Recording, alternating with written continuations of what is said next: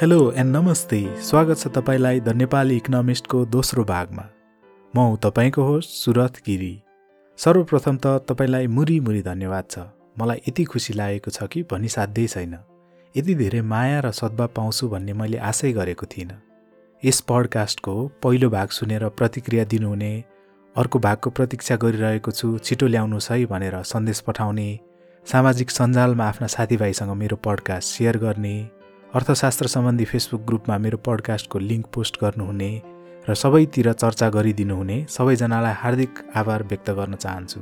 तपाईँहरूको हौसलाले मलाई यो पडकास्टलाई झन् अगाडि बढाउन उत्प्रेरित गरेको छ र अस्तिको भागमा भनेको जस्तै इन्सेन्टिभ्स म्याटर होइन त? आजको भाग सुरु गर्नुभन्दा पहिले अस्ति आएका केही प्रतिक्रिया तथा जिज्ञासाको बारेमा केही बेर चर्चा गरौँ। करिब करिब सबैजनाले नै पडकास्ट असाध्यै मन पर्यो विशेष गरी कथाको माध्यमबाट जटिल अवधारणालाई सरल रूपमा बुझाएको मन पर्यो भन्नुभएको छ। केही व्यक्तिहरूले त ओहो अर्थशास्त्र पनि यति रमाइलो हुँदो रहेछ भन्ने लागेको थिएन भन्नुभएको छ। केहीले भने अर्थशास्त्रको पाठ्यक्रममा भएका कुरालाई पनि सरल र रोचक तरिकाले व्याख्या गर्ने सामग्रीहरू पनि बनाउनुहोस् न भनेर आग्रह गर्नुभएको छ। यसबारेमा चाहिँ म के भन्न चाहन्छु भने मैले पछि गएर ती विषयमा भिडियोहरू पनि बनाउने योजना बनाएको छु। तर अहिलेलाई भने धेरैभन्दा धेरै नयाँ भागहरू ल्याउनमा केन्द्रित हुनेछु। एकजना श्रोताले केही प्रश्नहरू पठाउनु भएको छ। उहाँ भन्नुहुन्छ यदि नीति नै समाधान हो भने किन सत्तामा भएकाहरूले जनताको हित हुने नीति बनाउँदैनन्? किन उनीहरूले केही निश्चित व्यापारीहरू पोस्ने नीति बनाउँछन्? र उहाँले हालै भएको स्वास्थ्य उपकरण खरिद काण्ड र त्यसमा ओम्नी समूहको संलग्नताको उदाहरण दिनुभएको छ। यसको कारण त मैले गत भागमा नै भनेको थिएँ नेताहरूलाई जनताको हित हुने नीति बनाउन कुनै उत्प्रेरणा छैन। किनभने उनीहरूलाई थाहा छ कि जसरी पनि सत्तामा जाने उनीहरू नै हुन्।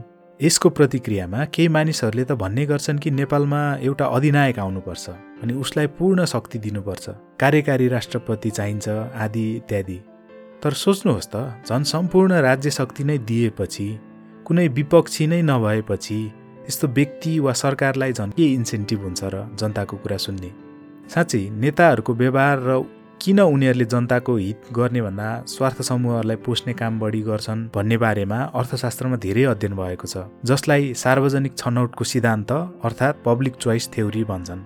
आगामी कुनै भागमा म त्यसको बारेमा विस्तारमा छलफल गर्नेछु। द नेपाली इकोनोमिस्ट नबिराई सुन्नुहोला है। त्यसै गरी अर्को प्रश्न आएको छ।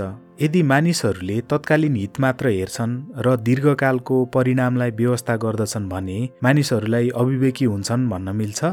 यसको उत्तर के हो भने हामीले उत्प्रेरणाको कुरा गर्दा तत्कालीन उत्प्रेरणाको मात्र कुरा गरेका होइनौँ। उत्प्रेरणा तत्कालीन मात्र नभएर दीर्घकालीन पनि हुन सक्छ नि। होइन भने त किन हामी चार चार वर्षसम्म कलेज गएर पढ्छौँ त? किन एमबिबिएस गर्ने विद्यार्थीहरूले वर्षौँको साधना गर्छन् त? किन हामी वर्षौँ लगाएर पैसा बचत गरेर घर बनाउँछौँ वा किन्छौँ त? तसर्थ उत्प्रेरणा दीर्घकालीन पनि हुन्छ। अझ एउटा रोचक कुरा त के छ भने केही अध्ययनहरूले मानिस जति धैर्य भयो र जति दीर्घकालीन नतिजामा ध्यान दिन सक्यो त्यति नै सफल हुन्छ भन्ने देखाएका छन्। अङ्ग्रेजीमा भन्नुपर्दा इन्स्ट्यान्ट ग्रेटिफिकेसनको सट्टा डिलेड ग्रेटिफिकेसन रोज्ने व्यक्तिहरू जीवनमा बढी सफल हुन्छन्। यो अध्ययन स्ट्यानफोर्ड विश्वविद्यालयमा सन् उन्नाइस सय बहत्तरमा गरिएको थियो र यसलाई स्ट्यानफोर्ड मार्सम्यालो एक्सपेरिमेन्ट पनि भन्दछन्। त्यसमा के गरिएको थियो भने बत्तिसजना बालबालिकाहरू सोह्रजना केटा र सोह्रजना केटीहरूलाई प्रत्येकलाई एउटा मार्सम्यालो भन्ने मिठाई दिइएको थियो र उनीहरूको सामु दुईवटा विकल्प दिइएको थियो। उनीहरूले या त उक्त मार्सम्यालो तुरुन्तै खान सक्थे या त पन्ध्र मिनट कुर्न सक्थे। यदि उनीहरूले तुरुन्तै मार्सम्यालो नखाएर पन्ध्र मिनट कुर्ने हो भने चाहिँ उनीहरूले दुईवटा मार्सम्यालो पाउने थिए। त्यस प्रयोगको नतिजा के भयो भने केही बच्चाहरूले धैर्य गर्न सकेनन् र तुरुन्तै मार्सम्यालो खाइदिए भने केही बच्चाहरूले पन्ध्र मिनट कुरेर दुईवटा मार्सम्यालो हात पारे। अनुसन्धाताहरूले ती बालबालिकाहरूको बारेमा पछिसम्म पनि अध्ययन गरेका थिए उनीहरूको जीवनको प्रगतिको बारेमा। नतिजा के देखियो भने जुन बच्चाहरूले पन्ध्र मिनट धैर्य गरेर दुईवटा मार्सम्यालो खाएका थिए उनीहरूले जीवनका धेरै पाटामा धैर्य नगरेका बच्चाहरूको तुलनामा बढी सफलता हासिल गरेका थिए। उनीहरूले स्याटमा बढी अङ्क हासिल गरेको उच्च शिक्षा प्राप्त गरेको राम्रो स्वास्थ्य हासिल गरेको पाइएको थियो। यो कुरा हामीले हाम्रो वास्तविक जीवनमा पनि भोगिरहेका हुन्छौँ नि होइन त? जस्तै तलब आउन साथ किनमेल गरेर पैसा सक्ने कि पैसा बचत गरेर लगानी गर्ने पढ्ने कि फिल्म हेर्न जाने धर्म सङ्कटहरू टन्नै आउँछन् जीवनमा होइन त? आफैले वा आफ्ना बालबालिकाहरूलाई आत्मनियन्त्रण सिकाउन र डिलेड ग्रेटिफिकेसन रोज्न सिकाउनु भयो भने जीवनमा सफलता हासिल गर्ने सम्भावना बढ्छ है। जीवनको छनौटकै कुरा गर्दाखेरि आजको भागमा हामी यसैको बारेमा चर्चा गर्न गइरहेका छौँ। आज हामीले छलफल गर्ने सिद्धान्त हो जिन्दगीमा सित्तैमा आउने भन्ने केही पनि हुँदैन भन्ने सिद्धान्त। अर्थशास्त्रीहरूले यसलाई अङ्ग्रेजीमा टान्सटाफल अर्थात् there and no such thing as a free lunch भन्ने गर्दछन्। यो वाक्यलाई चर्चित बनाएको चाहिँ साइन्स फिक्सन उपन्यास the moon is a harsh mistress भन्नेले हो। बाई द वे यो उपन्यास पनि एकदम रमाइलो छ है साइन्स फिक्सन प्रेमीहरूका लागि। यसमा पृथ्वीको उपनिवेशको रूपमा रहेको चन्द्रमाले पृथ्वीको विरुद्धमा विद्रोह गरेको कथा छ। कुनै पनि कुरा सित्तैमा आउँदैन भन्ने सिद्धान्तले भन्न खोजेको के हो भने संसारमा कुनै पनि कुरा सित्तैमा आउँदैन। यदि तपाईँले त्यो सित्तैमा पाइराख्नु भएको छ भने अरू कसैले त्यसको लागत बेहोरी राखेको हुन्छ। प्राविधिक रूपमा भन्दा यस सिद्धान्तले अवसर लागत अर्थात् अपर्च्युनिटी कस्टको कुरा गर्न खोजेको हो। अवसर लागत भनेको तपाईँले कुनै कुरा पाउनका लागि परित्याग गर्नुपर्ने वा गिभअप गर्नुपर्ने अर्को कुरा हो। अर्को तरिकाले भन्नुपर्दा तपाईँले कुनै स्रोतको एउटा उपयोग गर्दा त्यसको अर्को सम्भावित तरिकालाई परित्याग गर्नुपर्ने हुन्छ। त्यो नै अवसर लागत अर्थात् अपर्च्युनिटी कस्ट हो। उदाहरणको लागि हामीले हाम्रो सुरक्षाको लागि भनेर बन्दाबन्दी अर्थात् लकडाउनमा बस्नु परेको छ अहिले र हामीले हाम्रो हिडडुल गर्ने काम गर्ने स्वतन्त्रता परित्याग गर्नु परेको छ। अर्थात् हाम्रो सुरक्षाको अवसर लागत भनेको हाम्रो स्वतन्त्रता भएको छ। अर्को उदाहरण जस्तै हामीमध्ये कतिजना फुल टाइम जागिर गरिराखेका छौँ उच्च अध्ययन गर्ने अभिलाषालाई थाती राखेर त्यस्तै कतिपयले आजको सम्भावित आम्दानी त्यागेर उच्च शिक्षा लिइराखेका हुन्छौँ जस्तै पिएचडी गरिरहेका व्यक्तिहरू। त्यसै गरी तपाईँले मानौ भएको पैसाले लुगा कपडा किन्नुभयो भने फिल्म हेर्न जाने अवसर परित्याग गर्नुपर्ने हुनसक्छ भने घुम्न जाँदा कक्षामा बस्ने अवसर गुमाउनु पर्ने हुनसक्छ। त्यसै गरी भैँसी किन्दा पाडो सित्तैमा पाइराख्नु भएको छ भने पक्कै पनि भैँसीको लागत बढी परिराखेको हुनसक्छ। नेपालीमा त भनाइ नै छ नि चिची पनि पापा पनि त पाइँदैन भन्ने। साधारणतया अवसर लागतलाई ध्यान दिने हाम्रो बानी हुँदैन। तर अर्थशास्त्रीको नजरले हेर्दा तपाईँले जहिले पनि अवसर लागतलाई पनि उत्तिकै ध्यान दिनुपर्छ। कहिलेकाहीँ अवसर लागत अदृश्य पनि हुनसक्छ। उदाहरणको लागि एउटा कथा सुनौ है त। एउटा टोलमा एउटा जुत्ता पसल थियो अरे। एक दिन एकजना बदमासले आएर ढुङ्गाले हानेर त्यो पसलको सिसा फुटाइदिएछ। जब प्रहरी उसलाई समाउन भनेर आएछ उसले भनेछ मलाई किन समात्न खोजेको? मलाई त झन् सम्मान पो गर्नुपर्छ। मैले त समाजको हितको काम पो गरेको छु। प्रहरीले सोधेछ कसरी? त्यो बदमासले भनेको छ अब हेर्नुहोस् त त्यो पसलेले गएर नयाँ सिसा किन्नुपर्छ। भनेपछि सिसा पसलेलाई फाइदा भयो। सिसा पसलेले सिसा मगाउँछ। भनेपछि सिसा कारखानाको लागि उत्पादनको माग बढ्यो। जुत्ता पसलेले सिसा फिट गर्न सिकर्मीलाई लगाउनुपर्छ भनेपछि सिकर्मीको पनि आय बढ्यो। सबैलाई फाइदै फाइदा भयो नि। उसको कुरा सुनेर प्रहरी र त्यहाँ भेला भएका मानिसहरू सोचमग्न भएछन्। एक तहमा मात्र सोच्ने हो भने त्यो बदमासको कुरा पनि ठिकै हो होइन त? तर यहाँ हामीले जुत्ता पसलेको अवसर लागत बिर्सिरहेका छौँ। उसले सिसा किन्नमा सिकर्मीलाई ज्याला दिन खर्च गर्ने पैसा अब उसले अर्को काम जुन बढी उत्पादक कार्य हुन हुन्थ्यो होला त्यो गर्न पाउँदैन। उसले सिसामा खर्च गर्नु नपरेको भए सायद जुत्ता राख्ने अर्को दराज किन्थ्यो होला वा छोराछोरीलाई लुगा फाटो किनिदिन्थ्यो होला तर अब त्यसो गर्न पाउँदैन।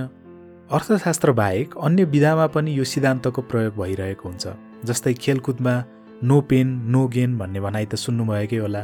त्यसै गरी वित्तीय क्षेत्रमा तथ्याङ्कशास्त्रको क्षेत्रमा लगायत अन्य क्षेत्रहरूमा पनि यो सिद्धान्त प्रयोग हुने गरेको छ। तर सबैभन्दा यसको महत्त्वपूर्ण प्रयोग हुनुपर्ने चाहिँ राजनीति तथा सार्वजनिक नीतिको क्षेत्रमा हो जस्तो लाग्छ मलाई। जस्तै सरकारले कुनै कुरा सित्तैमा दिने भयो रे भन्यो भने हामी दङ्ग पर्छौँ। तर के सरकारले कुनै कुरा सित्तैमा दिने रे भन्दैमा त्यो कुरा सित्तैमा हुन्छ र? जस्तै शिक्षाकै कुरा हेरौँ सरकारले सित्तैमा शिक्षा दिने त भनेको हो तर के त्यसको लागत हुँदैन त? सित्तैमा हुने भए बजेटको ठुलो हिस्सा किन यो क्षेत्रमा खर्च गर्नु पर्थ्यो र?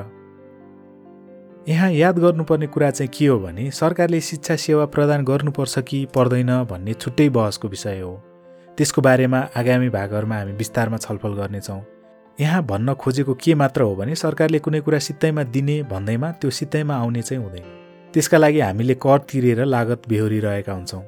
अथवा विदेशीसँग अनुदान लिएर लागत बेहोरिरहेका हुन्छौँ। विदेशी सहयोगको पनि आफ्नै लागत हुन्छ भन्ने कुरा त यहाँ मैले तपाईँहरूलाई भनिराख्नु नपर्ला।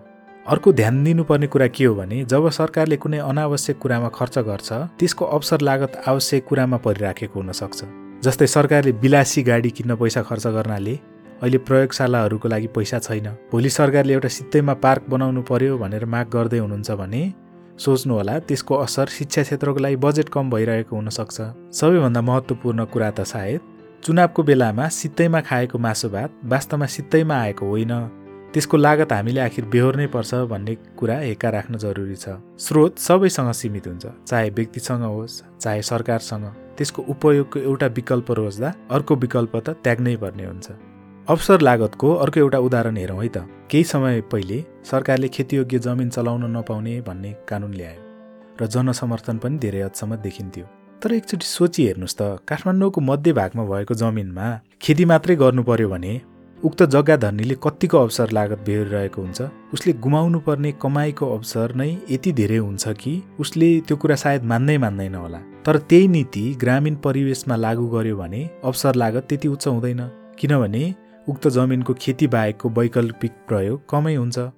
त्यसै गरी नेपालका ग्रामीण भेगहरूमा बिचैमा पढाइ छोड्ने चलन धेरै छ। मैले विशेष गरी पश्चिम नेपाल र तराईमा यो प्रवृत्ति धेरै देखेको छु। ती किशोर किशोरीहरूलाई किन विद्यालय छोडेको भनेर सोध्नुभयो भने उनीहरूको प्राय जवाफ हुन्छ काम गर्न कमाइ गर्नको लागि। उनीहरूलाई शिक्षाको लागि त पैसा सायद तिर्नु नपर्ला तर शिक्षाको अवसर लागत उनीहरूको लागि ठुलो हुन गयो जसले गर्दा उनीहरूले बिचैमा पढाइ छोडिरहेका छन्।